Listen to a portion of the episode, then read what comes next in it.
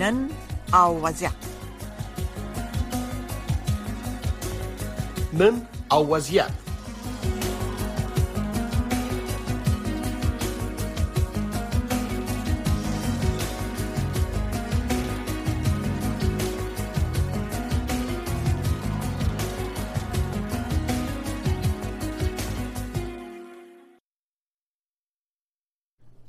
شنونده عزیز سلام عرض میکنم خوشحال هستم که بازم در خدمت شما قرار دارم با تقدیم برنامه روایت امروز. روایت امروز به امنیت غذایی جهانی اختصاص داریم. همونطور که شما شنیدین سازمان ملل متحد 16 ماه اکتبر نام روز جهانی غذا مسما ساختم را به خاطر کار کرده که آگاهی های بیشتری داده شود در مورد گرسنگی سوی تغذیه جهانی و همچنان زمینه های برابر شود برای ارائه مفکوره های جدید برای تقویت امنیت غذایی و سایر مسائلی که مربوط به امنیت غذایی میشه. ما در این برنامه مهمان هم داریم که در مورد اهمیت امنیت غذایی. یکی کمبود غذایی است یکی است که امنیت در مورد غذا در جهان چگونه تغییر کرده و چگونه در حال تغییر است. امیدوار هستم که میمان عزیز ما را دعوت کردیم در لاین باشن. جناب آزرخش حافظی رئیس سابق اتاق تجارت کشورهای اکو عضو تجارت عضو اتاق تجارت افغانستان و تحلیلگر اقتصادی را دعوت کردیم. امیدوار هستم که لاین با ما باشن. شما آواز ما را میشنوین. جناب حافظی؟ سلام به شما. سلام. خوش آمدین. بسیار زیاد تشکر از حضورتان در برنامه. یک مقدار برنامه اولا به این موضوع اختصاص داده بود که از یک بعد دیگه رویش صحبت شد. نظریات عمومی ارائه شد. ولی با شما می‌خوایم در مورد امنیت غذایی جهانی که از جمله یک چیز واضح است افغانستان از اون نمی‌تونه خارج باشه. صحبت بکنیم در مورد امنیت ترانسپورت غذایی مثلا در مورد از اینکه چگونه امنیت غذایی جهان اخلال شده تا کنون و اخلال شده و چطور هست. برای که صحبت آغاز بکنیم با شما میشه یک لطف بکنین در مجموع یک تصویر بتین. از امنیت غذایی جهانی فیلی که یقینا نسبت به پنج سال گذشته و ده سال گذشته شدیدن تغییر کرده. سلام به شما همکاران گرامیتان و همچنان شنوندگان محترم رادیو آشنا صدای امریکا. موضوع مسئولیت غذایی جهانی یک موضوع بسیار پیچیده و وسیع است. و نیاز به تحلیل همه جانبه داره که در یک برنامه رادیویی گمان نمی کنم که ما بتانیم او احتوا کنیم. ولی تا حد ممکن نظریات خود تقدیم می‌کنم خدمت شما.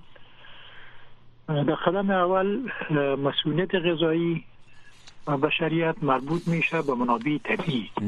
که چقدر ظرفیت در طبیعت وجود داره و چقدر متناسب به اون نفوس می‌تونه که از این طبیعت بهره بگیره و با تصرف طبیعت بتانه که زندگی خود به صورت درست و با نرمای فیزیولوژیک تغذیه خود با مسئولیت غذایی برسانم. خوشبختانه با اساس برآوردهایی که فعلا صورت می‌گیره همین نفوسی که وجود داره در دنیا با فناوری هایی که صورت گرفته و با داشتی که در مورد گسترش کشاورزی و دامپروری یا مالداری و زراعت وجود داره. اگر موانع مصنوعی به وجود نیاید همین زمین اگر بهرهبرداری درست شود نه تنها به نفوس موجود بلکه با یک آهنگ رشد یک درصدی در سال تا سالهای دراز می‌تونه که منبع تغذیه بر بشریت باشه. اما شوربختانه به بسیاری از موارد از این امکانات طبیعی به قوه استفاده بهینه صورت نگرفته.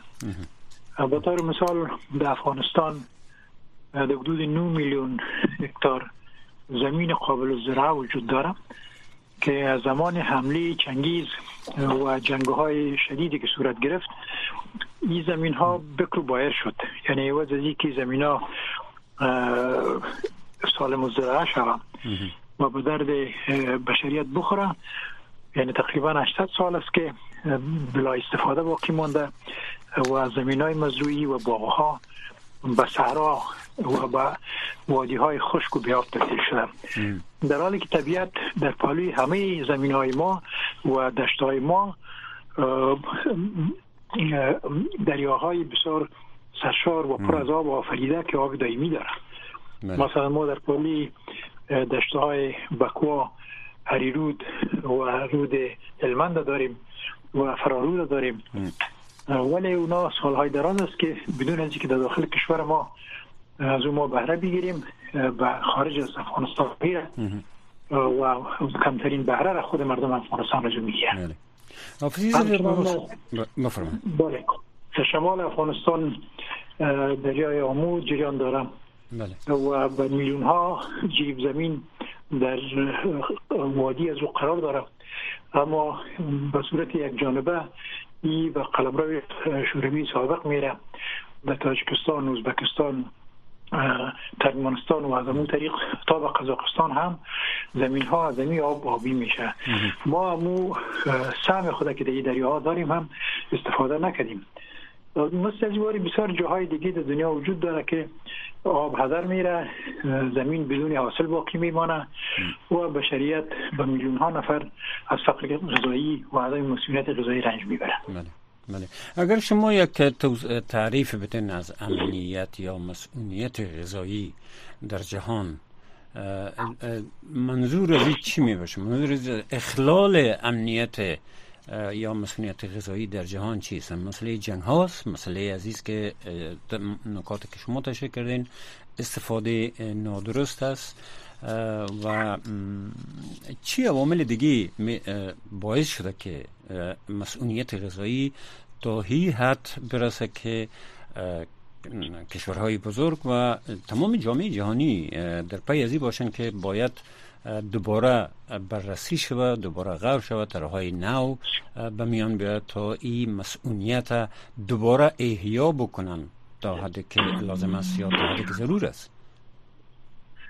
خب مسئولیت غذایی خب به تعریف ساده امی است که هر انسان به صورت عادی و نرمال هر روز برای سوخت و ساز بدن خودش و برای فعالیت های حیاتی یک مقدار نیرو یا انرژی مصرف می‌کنه. اگر انسان امین انرژی باخته دوباره به دست نیاره مسئولیت غذایی نداره. بله. یعنی به این معنا که قرضدار میشه از طبیعت خود و از فیزیولوژی خود. بنان مسئولیت غذایی عبارت است از حداقل مصرف انرژی را که می‌کنه به دست آوردن مجدد و احیای مجدد از است بله، بله. اگر آدم ها به نام نورمای فیزیولوژیک تغذیه میگن. اگر آدم ها بتانن اما قدر که انرژی مصرف می‌کنن امور را بازیافت کنن یا به مسئولیت غذایی رسیدن. ملل متحد گفته که جهان با بزرگترین بحران غذایی در تاریخ بشریت روبروست و از این خاطر ایالات متحده با همکاری کشورهای یا قاره های مختلف برنامه های را زیر دست گرفتن که بتانه این موضوع را حل بکنه. اونا مسائل مختلف را پیشنهاد کردن برنامه های مختلف را پیشنهاد کردن و یکی از نکات را که تذکر دادن که این بحران که حال آمده در مورد بحران در, در تاریخ بشریت یک تفاوت بسیار کلان داره از بحرانهایی که در گذشته ها وجود داشته. و اونا دلیل چیز میگن؟ دلایل مختلف ارائه می‌کنن. البته با در نظر داشته انکشافات و تکنولوژی اصلی. شما با اونا موافق هستین که این کلانترین بحران عصر حاضر است؟ در که سابقه نداشته؟ بله این به خاطر از است که اول خوش ما می‌دانیم که پیوستن نفوس یا جمعیت زمین زیاد شده میره. انسان هایی که در زمین زندگی می‌کردن مثلا در آغاز قرن 20 چیزی بالاتر از یک میلیارد بودن. حالی به چیزی کم 9 میلیارد می‌رسند تا یک قرن و 23 سال. تقریبا نو برابر شده. و پالی از او استفاده بیرویه از طبیعت و حافظی سب صدای شما یک مقدار انکاس پیدا می‌کنه که فهمیدن. سبب شده که حرارت زمین بالا بره سیلابا شوه آفات طبیعی زیاد شوه خوشسالی ها شوه. و امو هارمونی طبیعت به هم بخوره. بله. و در بسیاری موارد زمین های حاصل خیزه ما از دست داده میریم. به خاطر از که جناب آفیسی باشین که ما صحبت شما را قطع می‌کنم. جناب آفیسی اگر صدای مرا میشنوین آواز شما بسیار بعد انیکاس میته و ما فهمیدن نمی‌تونم سیاست نمیفهم پرودوسر برنامه ما جناب آفیس میشن درست؟ ما کمی بر ما انیکاس دارم شما. بفرمایید. مهربانی کنین دوام بدین از کنم خدمت شما که در حال حاضر حرارت عمومی دنیا زیاد شده جمعیت و نفوذ زیاد شده و امو هارمونی طبیعت به هم خورده. به این خاطر گازهای گلخانه‌ای زیاد شده و خوشسالی ها زیاد شده. و بسیاری از آبادی ها و مزاری سرسبز به محیط خشک و بیا و علف تبدیل شده. بله. و در مجموع بازدهی زمین کم شده. و آبهای مثلا شما می‌دونید که میال در کابل آبهای زیرزمینی به اساس استفاده بیرویه تقریبا به پایان رسیده و خطر از وجود داره که کابل به یک شهر بیاب و طبعا با بدون سرسبزی و تراوت تبدیل شود. این فاجعه تنها در افغانستان نیست. بله. مثلا دریاچه ارومیه در ایران خوش شده. دریاچه اورال خوش شده. بسیاری از دریاچه های دیگه که طبیعت شاداب می‌کرد و تراوت میبخشید از بین رفته. و این بالای آب هوا تاثیر داره و آب و هوا خودش با سبب میشه که تولید زراعتی کاهش پیدا کنه و سردرختی و باغداری کم شوه مالداری یا دمپروری کم شوه. تمامی از یک فاجعه است. یعنی پیشتر یاد کردم از یک برنامه بین المللی که طرحش امریکایا البته پیشنهاد کردن و در چهار مورد اونا صحبت کردن که یکی اراضی که قابل زر دیگه نیستن یا خشک هستن یا ناسازگار شدن برای تولیدات کافی. اونا را مثلا این مسائل در, در, در افغانستان یا در قاره های دیگه که به مشکلات حاد دچار شده می‌تونه دوباره احیا شوه می‌تونه دوباره پس امی تاثیر محصولات که تولید می‌شد در گذشته پس دوباره از میره برای که گفته میشه تاثیرات جنگ ها هم در در روی زمین یا اراضی نقش منفی داره در تولید یا در مجموعه تولیدات که حاصل میشه.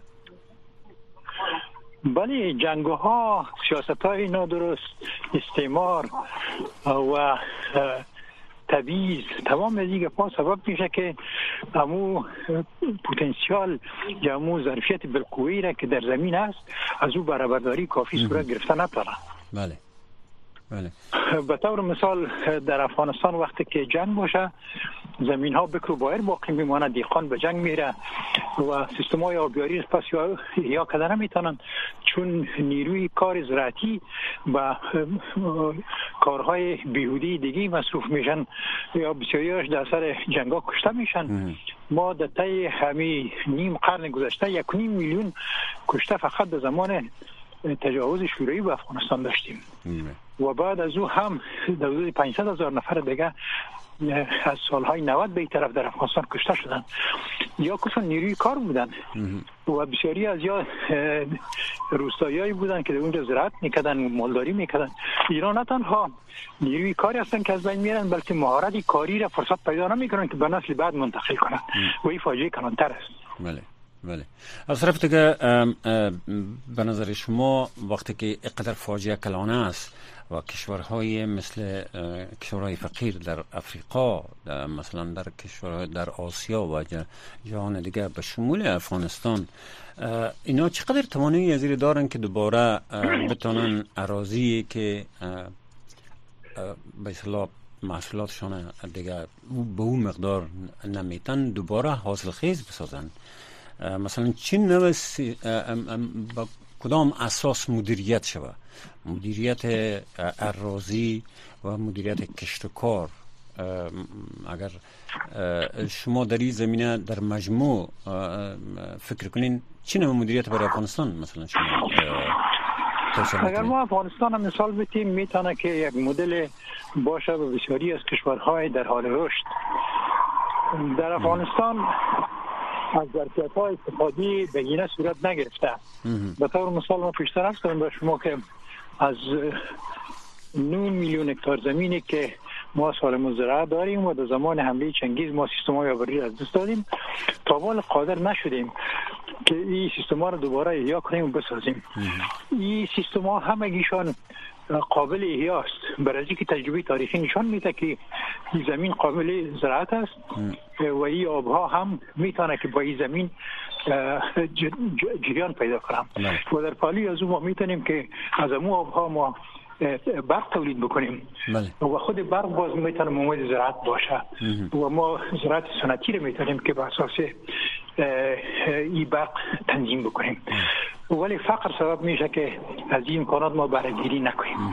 و بر نگرفتن و افزایش فقر می دیگه. خود چون جمعیت زیاد شده میره حالا بله. مثال افغانستان در سال 1358 15 میلیون 600 هزار جمعیت داشت. اساسا سرشماری که در جوزای 58 صورت گرفت و سازمان ملل در 280 میلیون دلار خرج کرد. ما 15 میلیون 600 هزار داشتیم بله. که بعضی ها می‌گفتن که یک میلیون دو او به از آنها اشخاصی که هنوز تثبیت نبودن اونا هم شامل شدن. حالی 44 میلیون داریم میگن. بله. یعنی سه برابر به جمعیت ما تقریبا و اینا خنان می‌خواین اینا لباس می‌خواین اینا وسایل زندگی می‌خواین همه گیزی بسته به طبیعت است. وقتی که طبیعت دیگه بازدهی نداشته باشه ظرفیت نداشته باشه فقر زیادتر شده میره عدم مسئولیت غذایی بیشتر شده میره. همیال در افغانستان سازمان ملل هر روز میگه که بیش از 15 میلیون نفر نان فردای خود نمیشونن که پیدا کنن بله.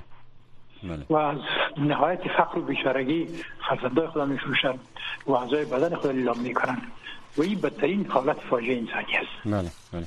شما پیشتر از منابع معدنی یا منابع طبیعی یاد کردین با در نظر داشت طبیعت افغانستان مثلا از نظر محیط زیستی منابع معدنی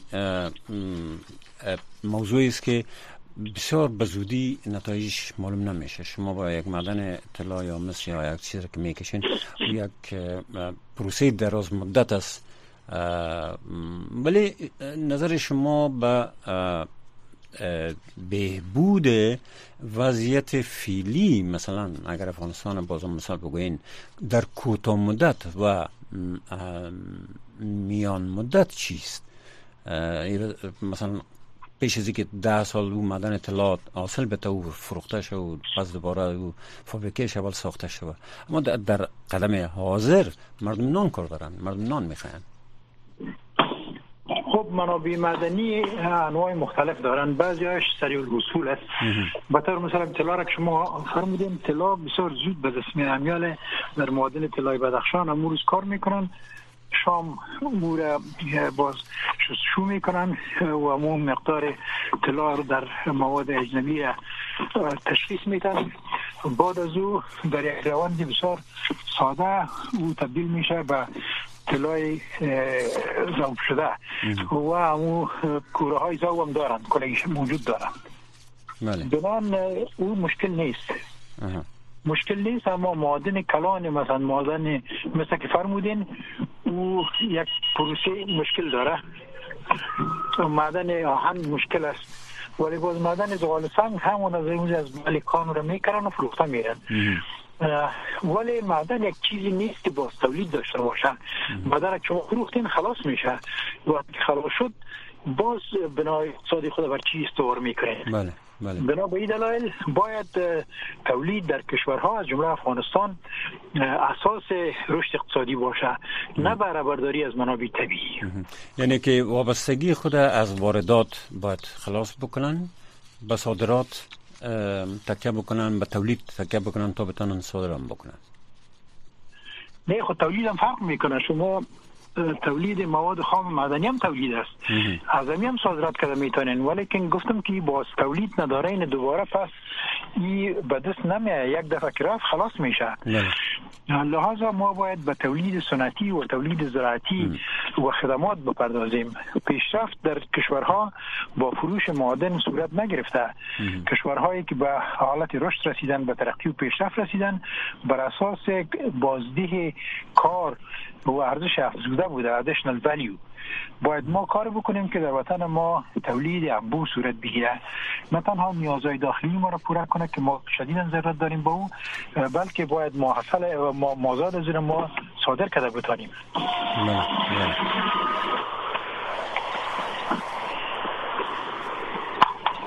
بله آفزیز هستن با ما؟ شما صدای ما رو میشنید بله من میشنم صدایتان بسیار تشکر. بسیار کم سر صداست. از او خاطر بعض وقتا درست صدای شما فهمیده نمیشه. از او خاطر ما تذکر می‌تونم که صدای شما صافتر و پاکتر نشر شبه که شنونده ما بتانن از او بگیرن. اما پس اگر دوباره به افغانستان به افغانستان تمام حوادثی که مخصوصا در این اواخر سر افغانستان آمد و تمام ادارات کمکی جهانی هشدار دادن که وضعیت خراب شده میره به خاطر بوجه هایی را که اونا درخواست کردن از طرف جامعه ملل یا جامعه جهانی قبول نشده. یعنی کلش دادن تا حال نشده. مثلا اگر این وضعیت در افغانستان دوام کنه ای و شما چما چگونه پیش بینی می‌کنین وضعیت افغانستان؟ چی کنن باید؟ طالبا آل حاکمای او سرزمین هستن. خب ما قبلا هم از کردم به خدمت شما که سیاست باید بستر مناسب ایجاد کنه بر رشد اقتصادی. بله. اگر خود سیاست مانی رشد شود بازی سیاست سیاست منفی است.